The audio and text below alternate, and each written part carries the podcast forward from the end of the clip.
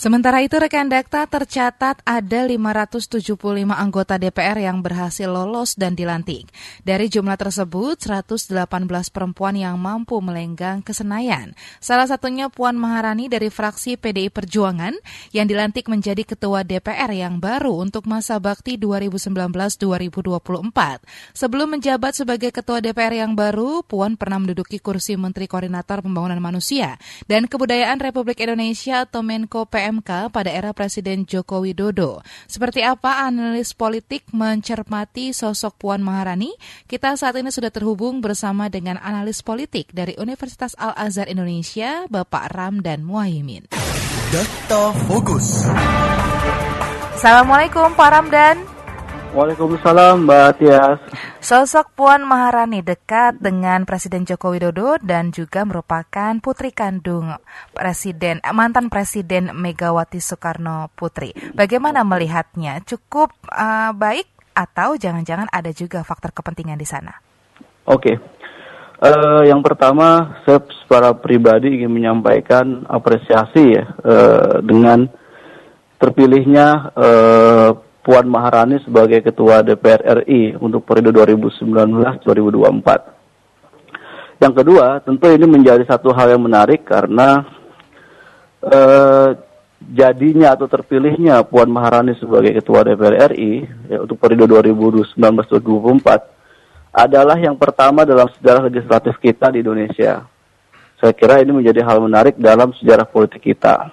Dalam hal perempuan menjadi ketua DPR, begitu ketua ya DPR, Pak? DPR, betul. Karena selama ini uh, isu yang diwacanakan ya terkait dengan perempuan di legislatif adalah 30 persen, kuota 30 persen. Seperti itulah kira-kira. Kalau misalnya melihat dari uh, jumlah perempuan yang berhasil lolos ke Senayan, sekitar 118 ya, uh, di berbanding dengan 570 sekian anggota DPR uh, terpilih, uh, saya kira sudah lebih kurang hampir mencapai 30 persen. Dan prestasi itu ditambah misalnya dengan e, dipilihnya Puan Maharani menjadi Ketua DPR RI 2019-2024. Saya kira pertama saya sampaikan adalah sebagai apresiasi positif untuk untuk beliau.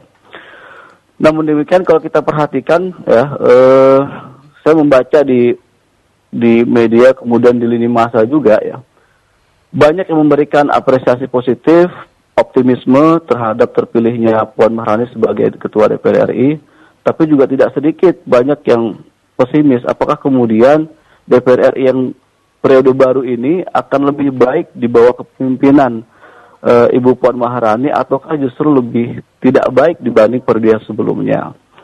E, kita e, memahami bahwa e, beliau Bu Puan Maharani itu punya sejarah aktivis politik lah yang cukup panjang. Tetapi prestasi politik yang fenomenal yang kemudian itu diakui oleh oleh publik, ya, publik belum melihatnya karena memang selama ini eh, aktivisme politik Puan Maharani itu ba lebih banyak dipengaruhi oleh kehadiran eh, ibunya Megawati Soekarno Putri sebagai ketua umum PDI Perjuangan. Saya kira seperti itu, Bu Matias. Jadi untuk potensi dirinya mendapatkan uh, perhatian banyak pihak dalam hal ini, bagaimana untuk rancangan uh, kerja dan program kerja DPR ini hmm. optimis bisa berjalan baik ya Pak?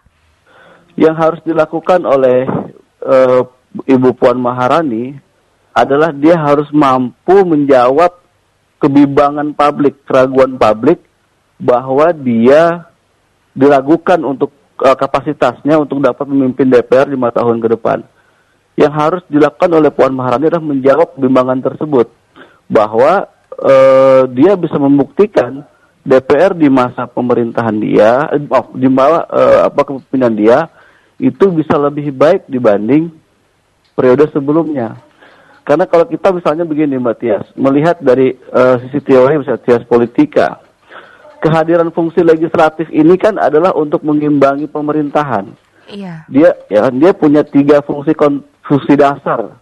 Ya dia sebagai controlling, dia sebagai budgeting, dia juga sebagai uh, apa uh, legislating gitu. Fungsi membuat undang-undang uh, undang-undang oke lah berjalan. Fungsi budgeting oke lah berjalan. Tetapi yang banyak dilakukan oleh publik adalah apakah mampu DPR lima tahun ke depan di bawah kepemimpinan Puan Maharani ini mampu melakukan fungsi controlling uh, terhadap pemerintah. Sementara kita tahu ya uh, meskipun berdasarkan undang-undang MD 3 pimpinan DPR itu menjadi tanda kutip haknya partai pemenang pemilu. Kita tahu bahwa Puan Maharani adalah dari PDI Perjuangan dan PDI Perjuangan adalah partai besar pemenang pemilu yang menjadi backbone-nya pemerintah sekarang.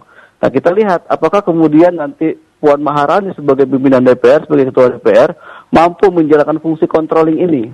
Karena itu yang menjadi pertanyaan atau keraguan publik. Nah saya kira yang, yang mendasar adalah Puan harus mampu menjawab kebimbangan publik terkait dengan hal ini. Soal korupsi bagaimana? Karena tentunya kita tidak bisa menutup mata soal anggapan bahwa DPR sulit terlepas dari korupsi. Uh, itu hal yang memang kita tidak bisa hindari ya. Opini publik yang terbentuk bahwa eh, DPR lembaga legislatif ya menjadi sarangnya korupsi. Tetapi kita juga harus fair, juga harus objektif bahwa praktek korupsi juga terjadi di berbagai lembaga yang lain, Mbak Tias bukan hanya di DPR tapi di pemerintah juga demikian gitu. Bahkan kalau kita mau buka data dari e, KPK misalnya bahwa mereka yang terjerat OTT juga banyak dari pemerintah. Yang misalnya baru-baru hari baru-baru belakangan ini kan dari pemerintah yang terjerat OTT dan seterusnya seperti itu. Uh, dan ini lagi-lagi menjadi menjadi tantangan bagi bagi apa namanya uh, e, DPR di bawah kepemimpinan uh, Puan Maharani untuk menunjukkan membuktikan bahwa DPR ke depan ini relatif lebih bersih lah gitu kira-kira daripada periode sebelumnya.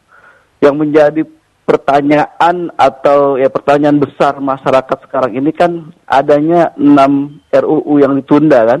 Tapi Puan bilang di pidatonya bahwa nanti dia tidak akan lagi membuat undang-undang dan fokus dalam rancangan undang-undang prioritas, Pak.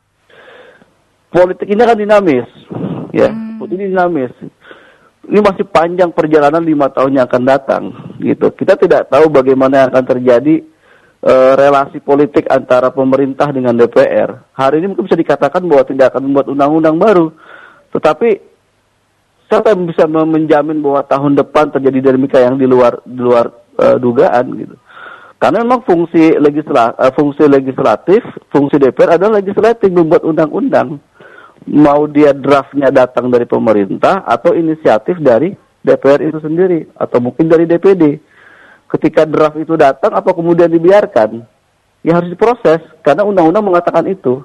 Seperti itu. Lalu kalau kita lihat soal uh, kredibilitas Puan Maharani sendiri sebagai seorang politisi, sebagai seorang politisi, saya pribadi melihat uh, track recordnya cukup panjang lah, gitu ya namun memang e, kita belum belum menyaksikan satu prestasi politik yang fenomenal. Itulah kira-kira. E, misalnya di kementerian kan beliau sebelum ini kan sebelum turun e, dan menjadi ketua DPR, beliau adalah menteri koordinator pemberdayaan perempuan ya e, dan dan e, apa PMK itu. Nah, kita lihat apakah prestasi beliau selama di sana itu baik atau tidak? Bagaimana angka-angka pemberdayaan perempuan dan seterusnya seperti itu? Memang aktivisme beliau di dunia politik panjang, tetapi prestasi itu banyak publik yang meragukan. Dan ini menjadi tantangan ya bagi Puan, dia harus membuktikan dirinya, menjawab keraguan publik bahwa dia mampu menjalankan fungsi DPR sebagai fungsi legislatif dalam tias politika. Bukan cuma bikin undang-undang, bukan cuma budgeting, penganggaran bersama pemerintah, tapi yang terpenting yang diinginkan oleh masyarakat adalah controlling terhadap kinerja pemerintah. Baik, Pak Ramdan terima kasih untuk informasinya dengan Dr. sore hari ini Pak. Sama-sama Mbak Tias. Wassalamualaikum warahmatullahi wabarakatuh. Waalaikumsalam warahmatullahi wabarakatuh. Data Fokus. Analis politik dari Universitas Al-Azhar Indonesia Ramdan Mohaimin.